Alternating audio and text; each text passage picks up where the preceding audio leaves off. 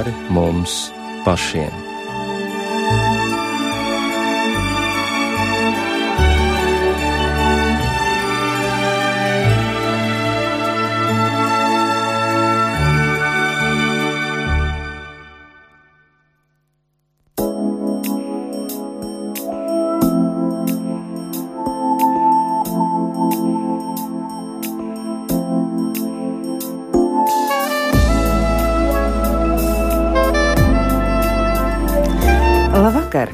Skan raidījums pāri mums pašiem.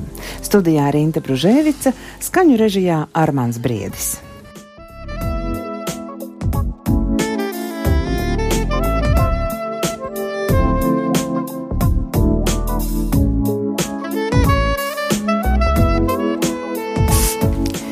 Toreiz man likās, ka melot katrā ziņā nozīmē apmānīt citus, bet melot var arī sevi. Un atklāti sakot, tie ir visnešķīstākie meli, kad apmāna savu sirdsapziņu.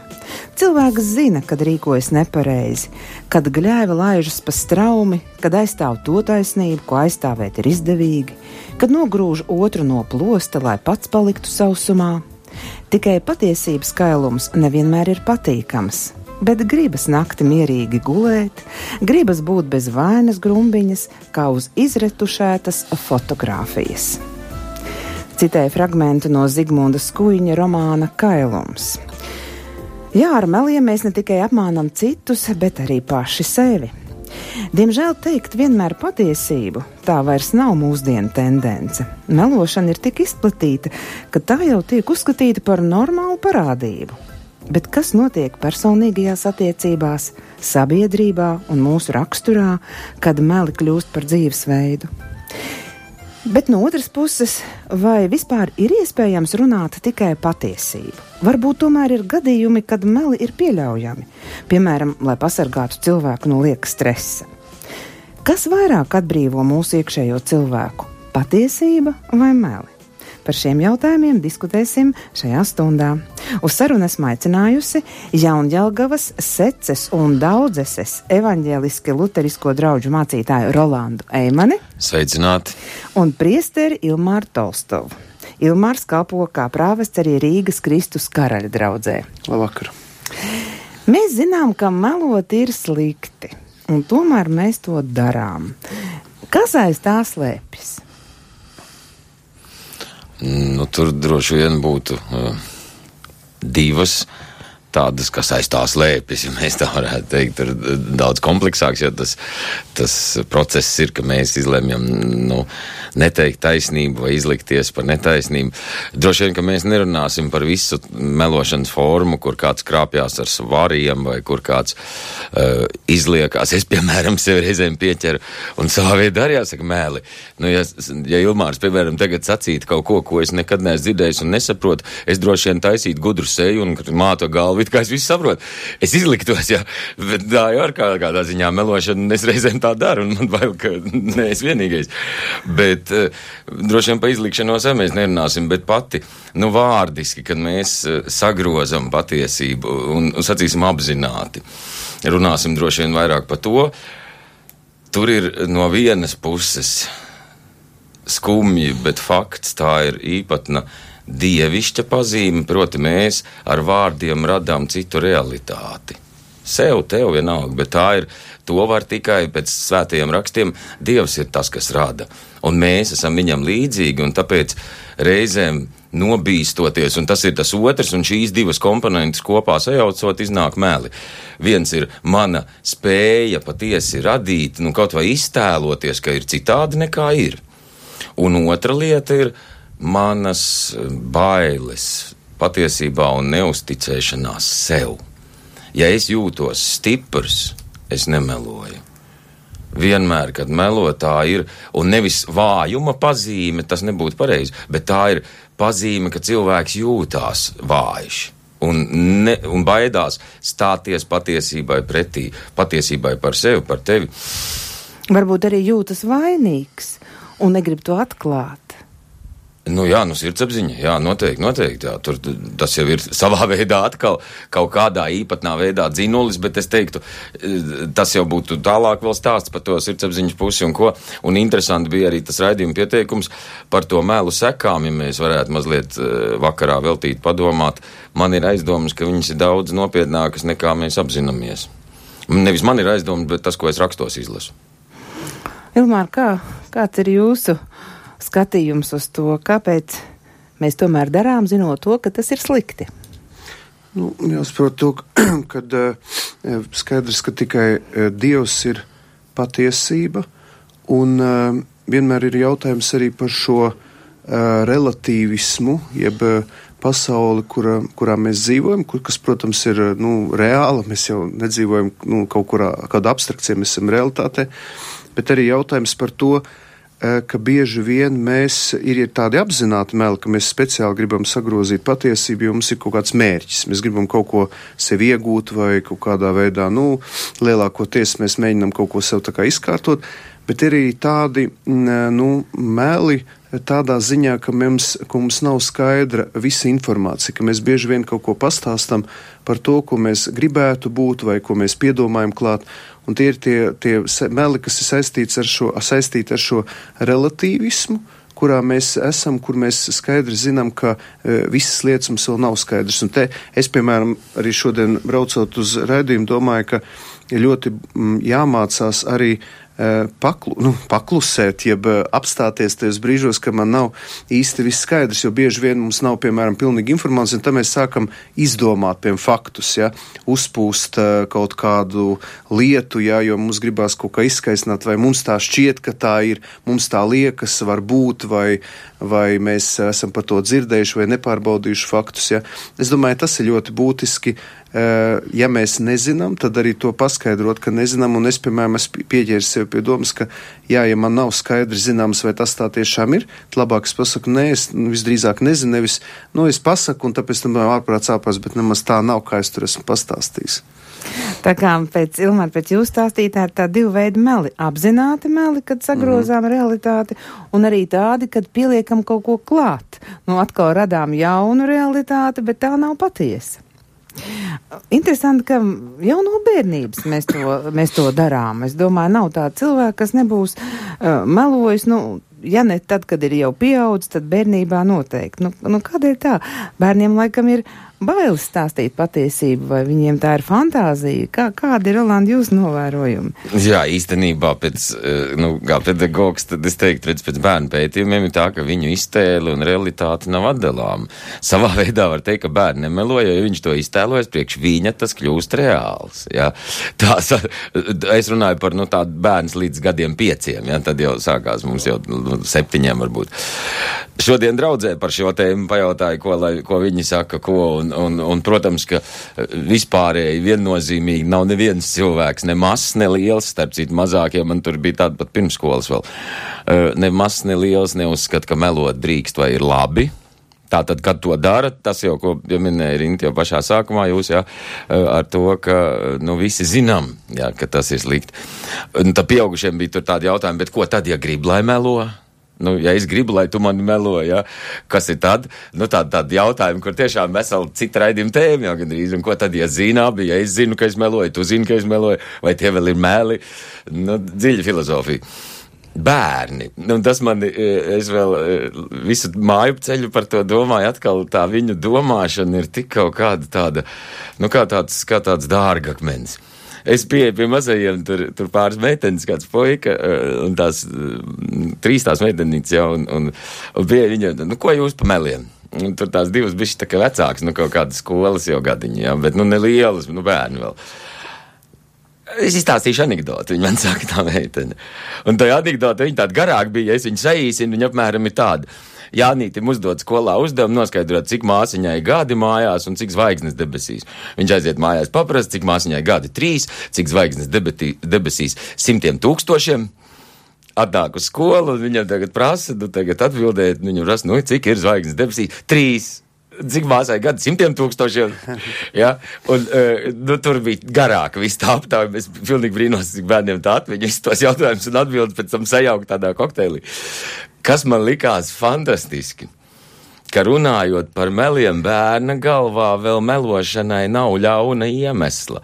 Viņai meli pirmā asociācija bija, nu, ka tu pasaki nepareizi, bet īstenībā, nu, sajaudzi, nu, tā teiksim, bērniem izdomāt, ka kāds apmelo, lai kādam būtu slikti, viņiem tas tā dabiski prātā neienāk. Viņiem melošana saistījās. Patiesībā mēs pieaugušie par šo anekdotu teikt, teikt, tas jau nav meli, tā ir, nu, kļūdījās.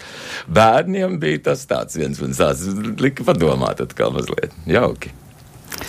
Jā, kā tad ir? Varbūt, ka tomēr tādā īstermiņā, nu, mali cilvēkam palīdz. Nu, ja viņš, piemēram, ir nesagatavots un, un uzdod kaut kādu, nu, jautājumu, uz kuru vajadzē, vajadzīga diplomātiska atbilde, tad tā, tāda momentā tūlītēji atvieglojumu tomēr var rast uh, samelojot. Jā, bet viņa tā, tā melošana nenes svētību, jo patiesība jau ir tā, kas mūs dara brīvus un meli. Eh, viņi ir, eh, mēs melos tik un tā sapinamies, un ja eh, meklējot patiesību vai meklējot labo, mēs izmantojam melu, melus, kas pēc savas būtības ir ļaunums, mēs ļaunumu tikai vairojam.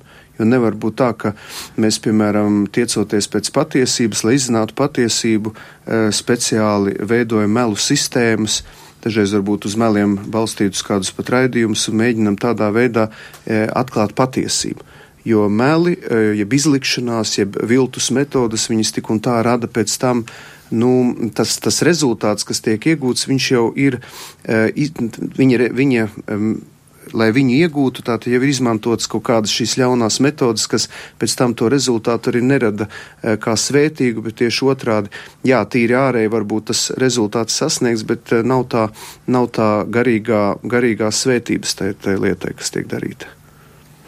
Kā Rolanda, jums šķiet, var tā īstermiņā samaloties un, un pēc tam mēģināt? Vācu tautai sakām vārds meli ir kā sniega bumba, jo ilgāk vēl, jo lielāka paliek. Bet ir jau atkal saudabīgi tas, ka, piemēram, ja sieva vīram jautā, vai es esmu tieva, viņa negaida patiesību, viņa gaida atbalstu vai man šī kleita piestāv. Viņa negaida patiesību. Viņa gaida, ka vīrs pateiks, es esmu tavā komandā, jā, tu esi tieva, jā, tev ir skaista frizūra, jā, šī kleita tev piestāv. Nav iespējams. Katrs vīrietis, kas kādreiz to pamēģina, saprot, ka tā reakcija pēc tam ir tik tāda emocionāls sabrukums, ja tu pasaki, nu, vakar tu biji tievāk, ja. Tu saproti, ka tu esi cilvēkam atņēmis visu vakaru, ja, ka tu nākamreiz paliec gudrāks. Un šai ziņā arī būsim tomēr pieaugušie, te nav, nu, nu tā jau nav tāda vienkārši juridiska saruna, jo, nu, ja man liekas, ka tā kleita sievai nepiestājas pasaka smuka, Nu, es it kā esmu juridiski samelojis, ja, bet tas tā nav. Es esmu izteicis savu atbalstu, ka man, ja lai kāda būs kleita, es būšu viņas pusē un, un, un lepošos viņa. Nu tā, man tāpat bērniem, kad skolā iet, nu kā tad tu bērnam, ja viņš pateiks, ah, es šito nevaru. Nu, ko tad tu viņam teiksi? Jā, protams, ka tu nevari. Ne, nu, pat tad, ja tev liekas, ka viņš šokar to nevarēs, tu viņu stiprini. Es šai gadījumā tikai um, gribu virzīt to sarunu uz, uz tādu mazliet jau nopietnāku virzienu, uz ko man pārdomas aizveda Bībeles pētniecība. Bet tāda, nu, arī tiem, kam Bībele nepārāk pat patīk vai interesē, var padalīties, gudrība ir uh, pārdoma vērta vismaz. Proti, uh, Jēzus Mateja evaņģēlijā pasaka, nu, tādus savā ziņā mīklainus vārdus, ko tūlīt arī mēģināšu mazliet paskaidrot. Ja tava acis ir ļauna, tad visa tava miesa būs aptumšota. Kas ir acis ir ļauna, runa ir par attieksmi. Nu, un, un, un tā tad tas teikums, kas, kas ir pasakīts, ir, ja tava attieksme ir ļauna, burtiskoti, tad visa tava veselība sāk šķobīties. Proti, Jēzus šeit parāda, ka mūsu miesas stāvoklis šai pasaulē ir nevis saistīts, bet pat pakārtots attieksmei. Kā es skatos ārā, tā man, kā es šodien skatos ārā, tā parīt mana miesa jutīsies. Apmēram tā viņš to pasaka. Bet tad, kad es pētīju un pārlasot atkal evaņģēlijas no jauna, nu, tā kā, ja mēs tā domājam, kas tad ir tā acs ļauna, acs slima vai tumša, tad ilgāk papētot, atklājās, ka Jēzus dusmīgs rēģēja uz divām tādām, kas ir attieksmes kategorijas, uz liekulību un skaudību.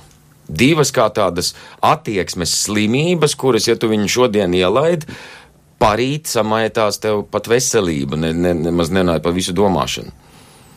Un tad, kad es tā pārdomāju, ar ko tad skaudība, liekulība, tāda, nu, nu labi, nu netikumi, bet nu, ar ko viņi saistīti. Izrādās tā, nu, bibliski vienkāršoti, ja tā ļoti vienkāršoti pasakot, bet tas ir to vērts pārdomāt katram. Liekulība ir, es meloju tev par sevi. Un, nu, ieklausieties, jo manā tautā šis vēl ir tāds daudz, kur neatrisināts. Skaudība ir, es meloju sev par tevi. Jo tad, ja man kaut kas tevī izraisa skaudību, es parasti, nevis nu, nu, 99,9% gadījumos, es esmu sacerējis to realitāti. Man skauž, ka tev ir mašīna, vai tad es zinu, cik riepas maksā, cik remonts, cik apdrošināšana. Es to visu esmu izskaitījis. Ja? Tad, kad es uzzināju, cik tām dārgajām mašīnām, ka viņām virs tūkstoši mēnesī ir apdrošināšana, es sapratu, es mūžā tādu negribu. Pat tad, ja man būtu ļoti daudz naudas, es noteikti zinu, ka es labāk tūkstoti māku iztērēt, kā dot apdrošināšanai par braucamrīku. Ja? Proti, skaudība, es meloju sev par tevi, liekulība, es meloju tev par sevi. Protams, ka mēs tur varētu vēl divus atrasināt, melot sev par sevi un tev par tevi, bet eh, es šai gadījumā ķeros pie tādiem, šie ir tie meli, un, un, un vēlāk vēl viens mazliet mēģināšu pailustrēt, kuri iesākti varbūt pat reizēm pilnīgi bez ne, nu, tāda salīdzinoši nevainīga motīva dēļ. Ja.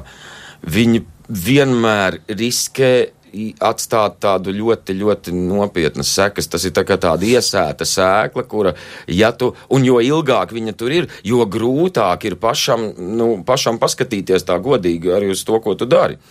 Jo tad ir jāatzīstās, ka tu ne tikai to esi darījis, bet ka tu to esi darījis gadiem ilgi, un tas ir ļoti kaut kā, nu, nav nevienam viegli. Tas sagrauj uh, jebkuru cilvēku. Tā tad lai es gribu pieminēt, lai katrs mēs savu domāšanu mazliet izveidinām un apskatāmies, jo tad, ja es kaut kur, e, diemžēl skaudību mēs parasti tā arī nesaucam, diemžēl skaudība ir tā, kas izraisa mūsos jau nākamos soļus. E, skaudības dēļ es atrodu, ka tev nav tas visāds nepilni, proti, loģiski viņi pamatoja. Un tomēr ja es kādu apskaužu, parasti tā nav saistība ar realitāti, bet es esmu samelojis sev par to realitāti. Un tā manis izdomātā mašīna ir tā vērta, lai viņu apskauž. Manis izdomātā tur kaimiņa sieva vai kaimiņa manta vai, vai viņa labā slava pat. Ja? Tā visa man liekas varena liela, liela lieta, bet tāpēc, ka es samānījos. Realitātē viņa nav manas skaudības vērta. Realitātē mums katram dzīvē ir pietiekami krāsu un emociju gāmu un piedzīvojumu, ka mums patiesībā nebūtu godīgi laiks apskaust citu un domāt. Tur jau ir iemesls kaut kāds. Jā. Un vēl par liekulību paturpināsim. Es domāju, tur vajadzīgs arī skaidrojums. Kā tas ir? Es meloju tev par sevi. Nu, liekulis izliekas, vai jā, ne? Jā. Mēs, piemēram, izliekos... Tā, nu, Kristus par to, par to liekulības daļu viņu ar plašāk varētu definēt, bet Kristus uzbruka tieši tai liekulības daļai, kur izliekās svētuļo, ja, kur izliekās, ka Dievs man runā, bet īstenībā nerunā, ja, un kur, kur tēlo, ka, pieņemsim, dzīvība ir, bet nav, kur tēlo, ka es eju smelt akā ūdeni garīgi simbolismos, ja, bet īstenībā tā, ka ir sausa, bet es citus arī aicinu un prasu un ieejas naudu, lai nāk pie manas akas, bet īstenībā es pats vakaros raudu, jo manī nav mm, Dieva prieks un miers. Ja. Mīlu Māriju, jūsu komentārs man klausoties eh, šo te. Es varu pateikt to, ka, ja cilvēkam viņa dzīvē nav atskaites punkts Dievs, tad uh, patiesībā cilvēks ir nesaprot, kāpēc viņš nevar melot. Jo um, mēs jāsaprot to, ka mēs dzīvojam relativismu, skepticismu laikmetā, tas ir postmodernismu seks, un man personīgi ļoti pārsteidz tā ļoti lielā Eh, lielais satraukums par šiem, par šiem viltus ziņām, un eh, nu, skaidrs, ka mēs dzīvojam postfaktuālā laikmetā un tā tālāk. Bet uh, jāsaprot to, ka šīs viltus ziņas tas ir postmodernisma auglis, tātad skepticisma un relativisma auglis, kad nav jau atskaites punktu. Un tiesībā jau, ja nav uh, atskaites punkts Dievs, kuru priekšā es nesu savu norēķinu, ja nav Dieva vārds, kurš man aicina palikt patiesībā, jo Dievs ir patiesība. Ja? E, te, protams, mēs varētu arī pārunāt par tiem filozofijas virzieniem, kas atsakās no eksistenciālisma, no re realitātes izpratnes, kādu tā, to atklāja svētie raksti un arī kristīgā filozofija. Skaidrs, ka tad e, viss kļūst relatīvs, un to mēs redzam gan mēdīju pasaulē, gan arī savstarpējās attiecībās, gan finanšu sfērā. Un visās jomās. Un tad vairs cilvēks nenes atbildību par savu rīcību, un tad viņš runā, dara, apsola un nepilda eh, to, kas viņam ienāk prātā. Un te jau mēs varam redzēt arī piemēram par tām pašām laulībām, jo eh, cilvēks stājas altāra priekšā un saka jā vārdu, bet viņš patiesībā melo, viņš nemaz to tā nedomā. Un vēlāk, kad mums arī katoļu baznīcā ir šī baznīcas tiesa, kas izskata laulības derīgumu vai nederīgumu jautājumus, atklājas tas, ka cilvēks saka, jā, bet es jau tikai tēloju, vai man jau nemaz nebija tā doma, jo viņš ir pieradis, ka viss var mainīties. E, tas, kā Jēzus saka, lai tava runa ir jā, jā, nē, nē, kas par to, lai ir no ļauna. Mūsdienās vairs tas neeksistē, kā es nedrīkstu samalot, kā es nedrīkstu pārdomāt, kā es nedrīkstu e, teikt to, kas man ir izdevīgi. Man jau neviena priekšā nav jāatskaitās, ja? un ja nav šī atskaites punkta, ja nav dieva, ja nav uh, svētie raksti, ja nav šī, šī, šī realitāte, kura atklājas caur Dievu, kurš saka, kurš ir patiesība. Es esmu ceļš, patiesība un dzīvība. Tad uh, pārējais paliek uh, ļoti relatīvs, un vēl kas ir ļoti svarīgi, kad jāsaprot, ka arī uh, Sātans ir melu tēvs, melis, un bieži vien viņš netiešā veidā mūs iepina melos, bet e, labo pasniedz par ļauno un ļauno par labo. Un tad, ja ir grūti saprast, kas ir labs un ļauns, kas ir pareizs, nepareizs, tad ļoti viegli iekrist melos, jo nav atkal šī atskaites punkta. Ja tā kā meli bez atskaites punktu cirkulē pa visu pasauli, un mēs tiekam vienkārši tajā ierauti, gribam vai negribam viens no jaunās izglītības paradigmām, kura ļoti lēni tiek, tiek nu, sen atkal nokavēti, tiek uh, materializēta arī mūsu bērnu izglītošanā, proti, ka katrā mācību priekšmetā viena daļa laika, nu, tāda laba trešdaļa laika no katras stundas patiesībā, ja mēs gribam viņus sagatavot tai dzīvei, kurā viņi dzīvo un dzīvos, mums ir viņiem jāmāca tieši šī īpatnā lieta, kā tavā priekšmetā, kas ir tās pazīmes, kā atšķirt melus no patiesības. Mm. Jo interneta laikmetā, kurā katra ideja var pēkšņi apskriet globusu, ja, arī, protams, tikpat melīgi, vienkārši asprātīgi sas, sas, saf, safrāzēta un ilustrēta, iepakota, sacīsim, ja, proti jaunā izglītības paradigma. Otra, es teiktu, ja šos divus kāds pedagogs, ja tagad klausās vienu stundu, pamēģiniet to, ko es saku, jūs redzēsiet, kā tie bērni jūs uh, sadzirdēs. Proti, ka tā mācīšana, kā mūsu skolās mācīja, vienkārši galvā lika iekšā, viņa nedarbojās, jo tās galvas, viņas nav motivētas atcerēties viņam visu laiku ir internets telefonā līdzi. Un tā patiešām ir, eh, ja godīgi, eh, cilvēka uzlabošana. Viņam ir atmiņas paplašinājums. Līdzīgi kā mēs datoram var piespraust atmiņas USB iekārtu. Līdzīgi internets telefonā ir tā tāda interesanta USB iesprauda manās smadzenēs. Ja, tā tie jaunieši to saprot. Brīnišķīgi, bet viņi to saka, nu tas tāpat kā, ja tev ir mājās grāmatplauks, tu tak visas grāmatas līdzi nenēsā katru dienu pareizi. Līdzīgi arī viņiem tā izpratne. Tamdēļ jaunā izglītības paradigma būtu viens, būtu tāds ļoti ļoti būtisks. Mm, palīdzēt un mācīt viņiem avotos norientēties vēl kaut kā, kā lai atšķir patiesu un kaut vai meklēt tos avotus, vai tas ir sacerējums, vai tas ir pētījums vismaz atšķirt, ja? kā atšķirt patiesību no meliem. Otra daļa. Tā tad viena trešdaļa jau pilna, otra, nu, gandrīz vai trešdaļa stundā būtu jāvēlt, lai cik tas jocīgi neizklausās, sava priekšmeta reklāmai nu, tiem bērniem patiesībā ir nevis priekšmets jāmāca, bet jāieinteresē viņus. Viņiem visas zināšanas, ko tu tur vari skolā pateikt, skolotāji, ir, ir klikšķi attālumā telefonā. Ieinteresēt, pagrūst viņus tajā virzienā, lai viņš pats noklikšķina, tālāk pats aizies. Viņi patiešām ir ļoti spējīgi mācīties. Kaut vai kā viņi apgūst telefonus. Mēs vecie netiekam līdzi. Pirmskolnieki labāk par mums orientējās. Cik fantastisks smadzeņu potenciāls. Ja, bet to arī, diemžēl, nedz augstskolās, uh, tur drusku varbūt vairāk vairāk, bet, bet uh, pamat izglītībā, diemžēl, šo palaiž garām, un, nu, diemžēl, viņi atkal iznāk gājuši peldēt, mācīties, bet būtībā e, tikai tad, kad sāks peldēt, būs jāmācās no jauna. Nu, to atšķirt, kur patiesība, un droši vien no savām kļūdām būs jāmācās.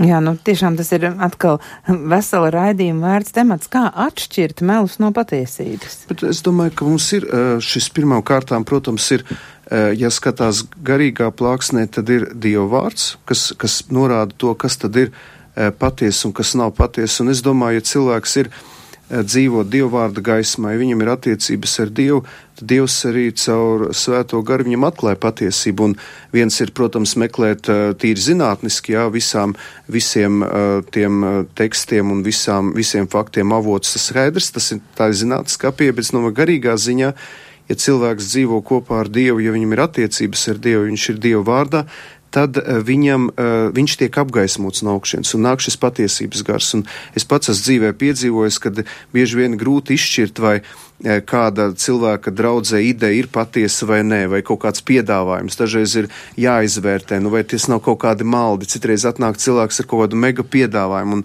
man ir tāda iekšēja sajūta, ka nu, tur kaut kas apakšā slēpjas neīsts, ka tur kaut kas ir safabricēts, samākslots, un, un ja uzņemies kādu amatu, kādu atbildību, tas ir viennozīmīgi, tā ir, nu, tā ir ļoti grūta lieta, jo tu vari tikt maldināts, tu vari tiek apvests ap stūri un tā. Un tajā vienā brīdī tu lūdzies, un nāk tā svētā gara gaisma, un nāk tas tā apskaidrība, un atklājas. Un, un beigās iznāk, ka uh, at, atklājas tās, uh, tās melu sistēmas, melu struktūras, uh, un viss sab, sabrūk tie meli. Jo bieži vien mēs tiekam iekļauti arī dažādās melu struktūrās. Un tas nav tikai viens melus, bet tā ir nepatiesības struktūras, maldu struktūras. Tā kā es domāju, ka šeit ir patiešām tas ir tāds arī garīgs process, kas iet arī caur lūkšanu, caur dievvvārdu šis apgaismojums, jo nevienmēr viss uzreiz ir skaidrs, nevienmēr viss ir skaidrs, eh, vai tur ir tiešām viss patiesa vai nepatiesa, vai tur ir meli vai patiesība. To uzreiz tā nevar atklāt. Bet, protams, ka nu, nav, nav tāda garantija, ka mēs nekļūdīsimies. Skaidrs, ka arī paši mēs varam gan samalot, gan arī iekrist šajos melu struktūrās, un tad vienkārši reiz jālūdz piedošana. Bet es domāju, ka, ja arī mums Latvijā būtu lielāka šī uzticēšanās dievam un ļaušanās šim patiesības garam, mazinātu šīs melu struktūras un mums būtu vieglāk uzticēties viens otram. Jo bieži vien, tad, kad zūd šis patiesības iedziens, ir ļoti liela neusticēšanās, ir ļoti liels aizdomīgums, jo tu nezini, vai tas otrs cilvēks pievils vai nē. Es, piemēram, atceros, kad runājot piemēram, par, par to nu, patiesības to jautājumu, Eh, kādreiz bija tāds eh, garīdznieks, smelt, tēvs Smelters eh, Jēkab katedrālē, un viņš bija emigrācijas latvietis, kas bija atbraucis atpakaļ uz, uz Latviju. Un mēs viņam stāstījām, kā mēs 90. gadu sākumā skrējām vilcienam garām no kontrolas, pusvilciens. Un viņš ir saka, kā tas ir iespējams, mums Vācijā tas nav vispār prātā, iedomājums, ka mēs nenopirksim biļeti. Ja?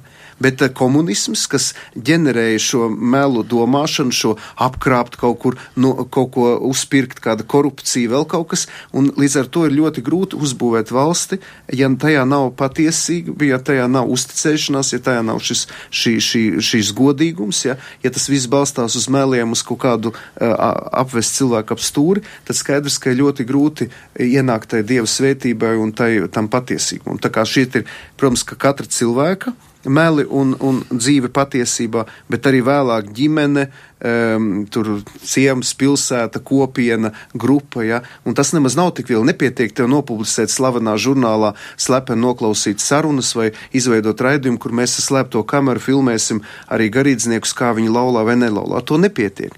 Tas ir tikai tā, nu mēs atklājam, nu ko tālāk. Tas jau ir garīgs process, kurā ir vajadzīga garīga atbrīvošana, jo, ja cilvēks piedzīvo Dievu, ja viņš saprot, kāpēc viņam ir jāpaliek patiesībā, viņš tāds arī būs. Viņš nevis tāpēc, ka baidoties, ka viņu kaut kur noklausīsies vai nofilmēs, bet tāpēc, ka viņam ir sirdsapziņa, viņam ir atskaits punkts Dievs, ka viņš zina, Dieva priekšā nevar melot. Kādreiz tajos ulmaņa laikos, pirms kara Latvijā stāstīja, ka laukos varēja durvis atstāt vaļā. Neviens neko neņēma. Tāpēc, ka bija šī, šī bība, bija šī daudz cilvēku gāju uz baznīcu, lūdz Dievu, viņi zināja, ka nevar zakt, ir jābūt godīgam, tā tad nevar melot. Nu, protams, ka cilvēks ir un paliek grēcīgs, un mēs nevaram domāt, ka mēs tagad visu uzreiz būsim svēti un perfekti, bet svarīgi tas, ko Dievs mums dod šo apziņu, jā, ka es Dievu priekšā nesu atskaiti par saviem vārdiem, cik es esmu patiesa vai nepatiesa Dievu priekšā. Savu skanējumu turpina raidījums pāri mums pašiem.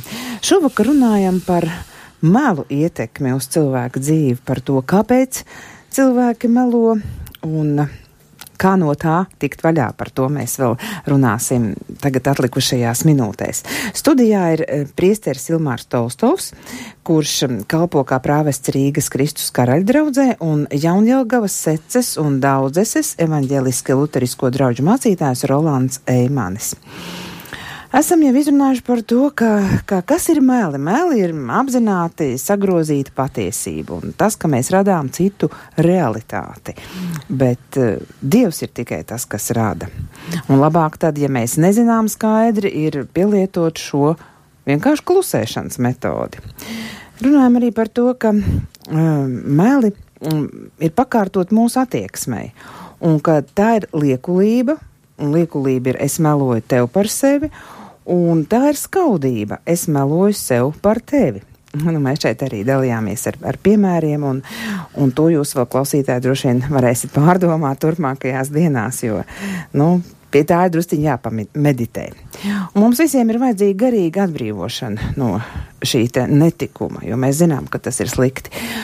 Un, un mēs, kāpēc mēs zinām, ka tas ir slikti? Jo mūsos ir sirdsapziņa. Sirdsapziņa, kas to pasaka. Nu, tas arī tāds interesants fenomens. Mēs runājam, ka šodien daudz ir viltu ziņu, jo nav atskaites punkta. Jā, cilvēki vairs nu, negrib, nevēlas ticēt dievam, lasīt dievu vārdu, un tāpēc viss, viss plūst kaut kur, viss kaut kur dreifē orbītā, tā varētu teikt, un grūti ir atšķirt melus no patiesības. Bet, lūk, atgriežoties pie sirdsapziņas nu tad varbūt jāieklausās tajā, lai mēs saprastu, kur tad ir tā patiesība un kad mēs melojam. Nu, tas tāds varbūt tiešā veidā nav melu, melu process, un tomēr tas process ir, un atkal droši vien nav neviens cilvēks, kuram nebūtu e, šo lietu mazliet tā kā uz sevi jāpavērš un jāpadomā. Uh, Un proti, nu, pēdējie 200 gadi šajā, šajā, šajos teikumos arī esam mīdījušies. Kāda laba ideja mūsu, ar mūsu iedarbības palīdzību pārvēršas par ismu, nu, piemēram, humānisms vai vēl kāds komunisms, ja pieminētais jau. Nākamais solis, tas isms, nezinu, viņš vienā brīdī cilvēkiem palīdz, bet viņā visos ismos ir tāda īpatna lieta, uh, Nu, tas ir atkarīgs, protams, no paša cilvēka, jo, ja viņam nav tāda stabila pamata zem kājām, viņam var isms aizstāt sirdsapziņu. Vienā dienā vai vienā gadā tas kā kuram notiek, bet tad, kad tas notiek, tālāk, mēs sākam attaisnot uh, un sev melot sirdsapziņas līmenī, un tas var sagandēt patiesi visu dzīvi. Un tad, kad sirdsapziņa, isms aizstāja sirdsapziņu, un es šeit varu man gribētos pa citiem runāt, bet es atpazīstu pats sevi, ja, ka tad, kad komunismam es visu jaunību biju pretojies, kā nu mācēdams, nu, būdams antikomunists, kā tāds varbūt ielu huligāns gandrīz, ja, Tad uh, interesanti, ka nonākot baznīcā, es vienā brīdī, nu tagad atpakaļ skatoties, man jāatzīst, ka vienā brīdī man luterisms drusku tā kā aizstāja sirdsapziņu. Nu, protams, tas ir uh, šajā ziņā šie, nu, luterisms vai katolisms arī īsmi, kas ir ļoti riskanti, ja viņi aizstāja sirdsapziņu. Tas labais, protams, būtu, ka, nu, tik un tā jau tā bībele tur ir kontekstā, un tas savā veidā tas sirdsapziņas ļaunums, ko es varbūt darīju, es kādreiz atļāvos būt neiejūtīgs pret tiem, kas nav luterisms, jā, un, un nu, ne jau, ne jau ļauns vai kā, bet tomēr man tagad ir jāsaka, paldies Dievam, ka, ka, ka viņš apturēja un, un, un, un patiesībā paša kļūdas un grēksūdzi ir tas, kā tu vari apstāties, jā. Proti atzīt, ka tu esi nepilnīgs, nu tad jau arī manas domas un spriedums par par tevi droši vien nav gluži pilnīgas. Ja?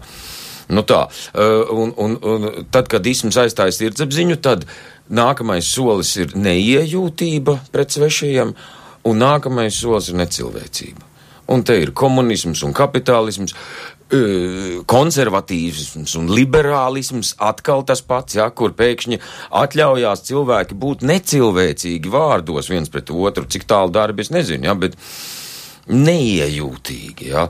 ja es sava isma vārdā tos, kas manam ismam nepiekrīt, uzskatu, ka es drīkstu nejust, ka es drīkstu apzināti vai ne, bet sāpināt un pat neapstāties un turpināt, tādā gadījumā tur tā sirdsapziņa ir aiz, nu, nedzīva, viņā ir ienācis isms.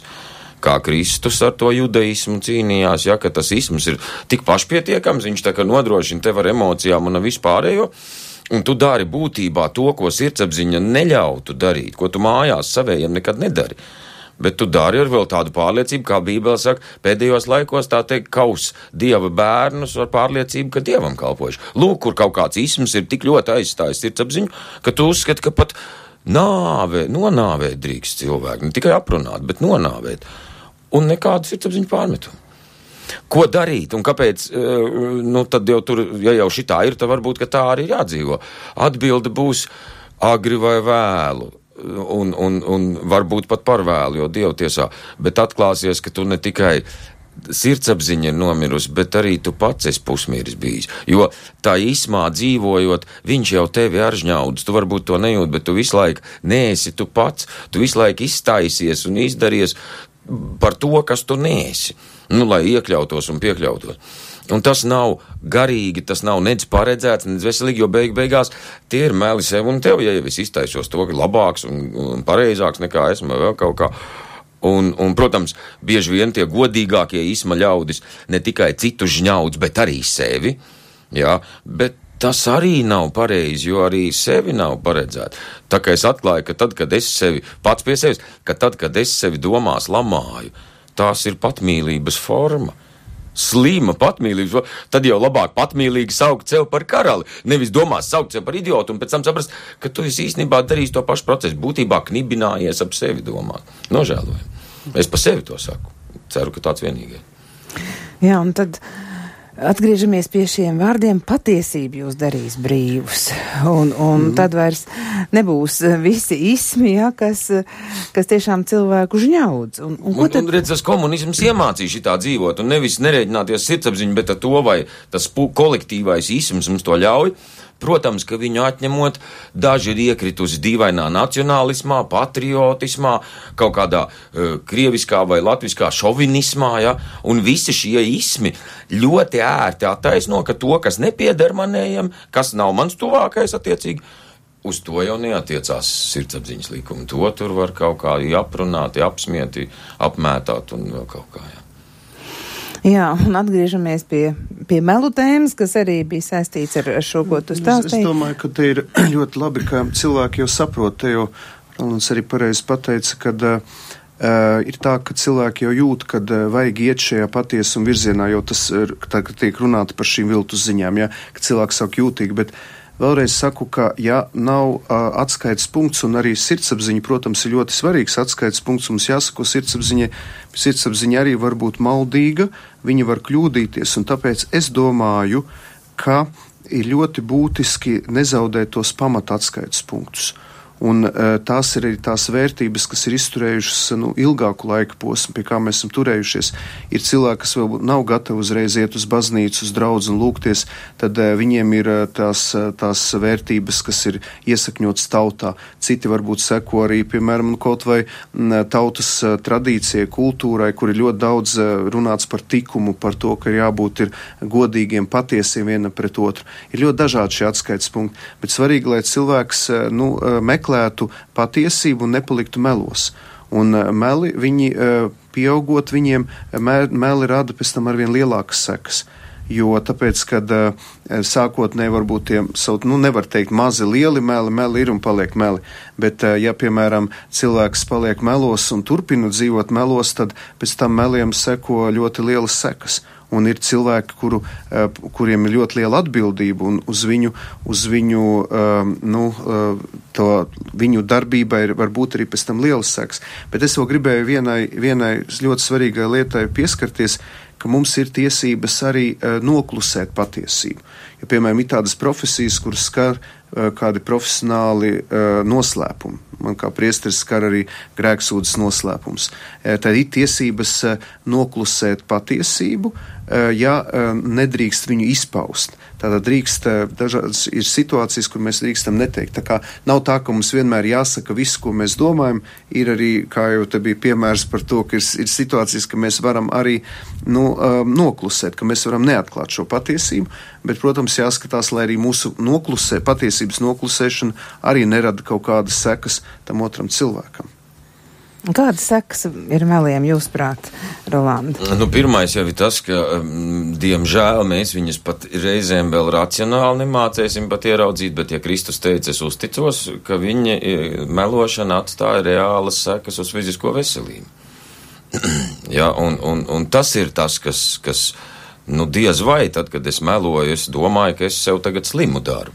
Tā tad tur arī iznāk. Es sev melodams, es sev dubultā meloju. Es vēl domāju, ka būs labs iznākums, kaut gan, nu, diemžēl, arī pētījumi droši vien tie, kas pēta cilvēkus, labi varēs pamanīt, ja, ka, diemžēl, tā nu ir, protams, ja es kaut ko pasaku neapzinos, tu jautā, cik pūkstens, es saku astoņi, bet ir īstenībā deviņi. Tas nav, nu tie nav mēli, tā ir kļūda, tagad tas eh, anekdoti bērniem jau sajaukt, jā. Ko darīt? Pirmkārt, es teiktu, eh, pieķert sevi un apstāties. Nav nekas jādara, nevajag uzreiz kaisīt milzīgi pelnus uz galvas un, un, un sākt sevi šaustīt, ka es esmu melojis. Tas nav mērķis. Nav jau mērķis sevi notiesāt vai attaisnot. Mērķis ir dabūt tikt pie tās patiesības, ja, kas atbrīvo. Atbrīvo no šitiem visiem izmužņaugiem, no tiem sirdsapziņas žņaugiem, no to, ka tu vienreiz sameloji, un tad jau ir divreiz, un tad jau piecreiz, un beigās tik un tā sapīsies. Ja? Un, un, un, un būs jau kauns, jo lielākoties jau mēs melojam arī uh, reputācijas dēļ, un skaidrs, ka tur atkal iznāk tā reputācija sabruks, tā kā salmu mm. sēta. Ja? Nu tā, ko, kas vēl būtu pa soļiem veicami? At, nu, pasakīt pašam sev, ka nepatiesība vienmēr ir vājuma pazīme. Lai tu vismaz šajā esi godīgs, lai tu saproti, ka katru reizi, kad tu saki nepatiesību, tu izpildies kā vārgulis. Pamēģini vienreiz būt stiprs cilvēks. Es atceros, man mācītājs Agris Sutras stāstīja, viņam tur baznīcas kapos centrā. Viņš saka, un vienreiz tā, ej, ej uz to baznīcu, un kaut kādi četri tādi, nu, huļigādiņi sanākuši tur meta piku tai baznīcā. Viņi neredz, ka es mācītājs. Viņš tāds liela augums sportists. Džek, es eju klāt, un, un, un liekas, nu, ko tagad? Viņš saka, un es šeit pajautāju, puikas, kā jums liekas? Kur drosme lielāka vajadzīga izlikties, ka jūs negribējāt izsist stiklu vai atzīties? Ka tā gribējāt. Kam vajag lielāku drosmi? Viņš saka, un tie puikas pēkšņi apklust pēkšņi padomā, un tālāk viņš mums beigās tāds garīgs sarunas. Viņa gandrīz tā kā grēks sūdz, man saka, ja. Bet, lūk, jā, proti, būt patiesam ir nevis kaut kas tur izdevīgs, neizdevīgs, ko, bet tas ir elementārs cilvēku pašcieņas jautājums. Katreiz, kad tu mani māni, tu sevi necieni. Skaidrs, ka tu domā arī mani, ja tu apmāni, domā, ka es esmu pietiekami muļķis, lai apmānītu, bet galvenokārt mānīšanās ir sevis necienīšana ja to mēs tā vairāk apzinātos. Ja? Zakšana tāpat ir vienkārši sevis necienīšana, ka es godīgi netikšu pie rezultātu, man tā tad jāmānās un jāzog. Ja mēs to vairāk apzinātos, varbūt mums būtu grūtāk melu tēvam vēlnam, kā Bībele saka, jo viņš saka, ka tur ir kaut kāda garīga, aktīva realitāte, kura, kura virza un vilina kā tāds magnētiņš samā, sameloties. Bet, ja mēs sev godīgi vismaz atzītos, labi, melošu, bet tad vienlaikus sev pašam jāatzīst, būšu vārgulis būtu grūtāk mūs tik nu, iesaistīt šitajās, kā, kā pieminēja Ilmārs, melu schēmās pat, ja, kur jau vesela, vesela pasaule jau gandrīz ir aizpildīta ar, ar, ar melu idejām. Ja. Jā, es domāju, kāpēc pasaulē tik daudz melu, bet, kā jau Rolanda teica, skaidrs aiz tā visa stāv realitāte vēlns, jo rakstīts Bībelē, viņš ir melu tēvs. Visi meli nāk pasaulē caur viņu. Un to apzināties, varbūt, apzinoties, varbūt citādāk, varam paskatīties uz, uz, uz nu, sevi. Turklāt viņš ir tik meistarīgs, ka viņš prot to, ko juridiski pat nevarētu atzīt, viņš prot melot jautādams. Tas ir juristi vispār to nevarētu tā aptvert, tur loģiku nevar aptvert. Bet tur, kur mēs viņus esam, mēs ieraugam, viņš prot melot ar jautājumu zīmēm beigās. Tik, tik, uh, nu, talantīgs, neapšaubām viņš ir melošanā. Ja tur ir tāda garīga realitāte, kur šķiet arī ir Būtībā tas ir gudrāk un viltīgāk par mani, ja es viņu gribu iet tur spēkiem mēroties. Un, un, un tas tā, arī ir vienīgais veids, kā viņš tiek cilvēkam klāt caur meliem. Jā, un es tagad tā, tā pārdomāju, man nāk prātā tā epizode, kad Jēzus stāv Pilāta priekšā un runā par patiesību. Pilāts jautā, kvid est veritas, kas ir patiesība? Man liekas, tas ir tas, ka nav jau nemaz tik viegli to patiesību atklāt, un mums jau te viegli arī runāt, bet ir cilvēki, kuriem tiešām ir ļoti grūti atšķirt, un viņi, nu, samelo, kā saka, tajā brīdī nemaz neapzinoties, ka viņi to melo. Bet es domāju tiešām, ka, ja cilvēks eh, atver savu sirdi Jēzum un grib viņam sekot un seko viņam, viņš iet ļoti lielā patiesībā. Un, e, ja viņš atsakās no sātana, kas ir melu tēvs, tad e, šī patiesība dara cilvēku brīvu. Un es esmu sapratis, ka jā, viens ir šie cilvēciskie līdzekļi, kā mēs mēģinam atmaskot melus un, un patiesības to uzvaru veicināt, bet tomēr bez Jēzus Kristus, bez šī Pilāta jautājuma, kvid est veritas, kas ir patiesība, jā. bez tā mēs līdz galam ne, ne, nevarēsim pieskarties patiesībā. Man liekas, tuvojas arī lieldienu laiks, tuvojas lielā piekdiena, kad Jēzus piesis krustā un tur augies uz krustā sisto pestītāju, un tu redzi, jā, tur ir patiesība. Lūk, patiesība karājas krustā, patiesība guldīt kapā, patiesība augšām ceļas. Un, ja es esmu kopā ar viņu, es ieju patiesībā. Man tiek izgaismota šī realitāte tāda, kāda viņa ir uh, patiesībā un realitātē. Jo tas ir pats būtiskākais - būt realitātē, būt uh, saiknē ar realitāti, būt ar to, kurš ir, kurš ir uh, viss radītājs, kurš uh, zina, kā ir viss patiesība. Man liekas, ka tas ir ļoti, ļoti svarīgi katram to saprast un piedzīvot savā dzīvē. Un tad ir tomēr tā, ka patiesība to iekšējo cilvēku atbrīvo nevis meli, kā šķiet, nu tāds īslaicīgi, fū, pagāja garām, ja, nekas nenotika, neuzsprāga, samalojos, vai cik labi, ja, tagad var būt mierīgs kādu brītiņu. Un tomēr taču nē, patiesība darīt. Precīzi, jo, jo, nu, neviens jau nekad nav sagrozījis patiesību sev par sliktu nu, viņš vienmēr kaut kā, jebkurš no mums cilvēkiem būtībā jau, ja mēs melojam, mēs redzam kaut kādu savu izdevīgumu un labumu. Un šeit es saku, kam tev tas melotais izdevīgums un labums, ja tu būsi slims un beigts? Kam? Jo to lūk mums Jēzus aizrāda. Meli, ja viņi ienāk mūsu domāšanā, un ja mēs viņus saucam kā melus un jūtam netīru sirdsapziņu, cīnies, ir labi. Bet tie meli, kur mēs pārstāvjam savu pa meliem, tie mūs spēj saēst sliktāk par slimību. Ja, un, lūk, te ir tas jautājums. Ja tu melo, tu domā savu labumu. Es tev pajautāšu, vai tiešām tavs labums ir lielāks kā slimība un nāve? Ko? Mm. Ja. Nu, tur ir tas, ja tāda, jo meli nav izdevīgi. Tas izdevīgums arī samelots. Tā visa ir tāda lielāka kaut kāda schēmiņa, jocīga atkal, tāpēc droši vien bez vēlna pieminēšanas būs grūti, jo Jo tad jāsaka, cik tomēr mēs visi esam ģeniāli melošanā, ja kāpēc mēs esam, neesam tik ģeniāli radīšanā. Nav, nav, neesam mēs tik ģeniāli, bet diemžēl tā schēma tāda iznāk. Ja. Es ceru uz savu labumu, man iznāk sliktums, un tad man ir tas sliktums jāsāk pašam sev melot, ka tas jau īstenībā nemaz nav sliktums, ka tas ir labums, un, un, un tā nu iznāk. Jā. Ja, ka... Vai katra kārdināšana arī ir meli, Ilmār, kā, kā jūs kā, domājat? Kārdinātājs vienmēr piedāvā, uh, viņš ietērpja, tā ir reklāmas kampaņa. Viņš, ne, es neko neesmu pret, re, man nav nekas pret reklāmām, jā, bet dažreiz bieži vien reklāmās tiek parādīts, nu, man es tā pie sevis smējas, ja ļoti reklamē, tad laikam nepērki, jā, tā tad kā, kāpēc vajag, jo tam, kurš ir labs, viņam reklāmu nevajag, un tad ļaunais pienāk, un viņš to ļauno iepako tādā skaistā iepakojuma papīrā. Tā kā lielākties kārdināšana, ja iziet uz to, ka mums tiek piedāvāts, ka, nu, redzi, tu paņemsi, tas tev būs pats labākais, tas tev tā tevi piepildīs, tu būsi tik laimīgs, ja? tas jau ir paradīzes šis te labā un ļauna atzīšanas koks. Tur jau ir, ta, no turienes jau viss izriet no Ādama un Ievas, no pirmā, pirmā kārnām, pirmiem meliem, jā pirmiem meliem un pirmais. pirmais Mēs kas... to tūkojuši esam, tas labā jaunā atzīšanas koks. Man šķiet, ka tas stāsts iegūst jaunu dimensiju, ja mēs viņu patūkot labā un jaunā radīšanas koku. Mm tā vietā, lai mēs uzticētu Dievam nodefinēt, kas labs, kas slikts, iekožot mēs paši. Un tur ir mūsu elle, ka mēs sēžam trīs šai studijā, un katrs no mums trījiem var priekš sevis radīt savu labā un ļaunā stāstu. Cik briesmīga kompānija mēs cilvēki esam kļuvuši, ja?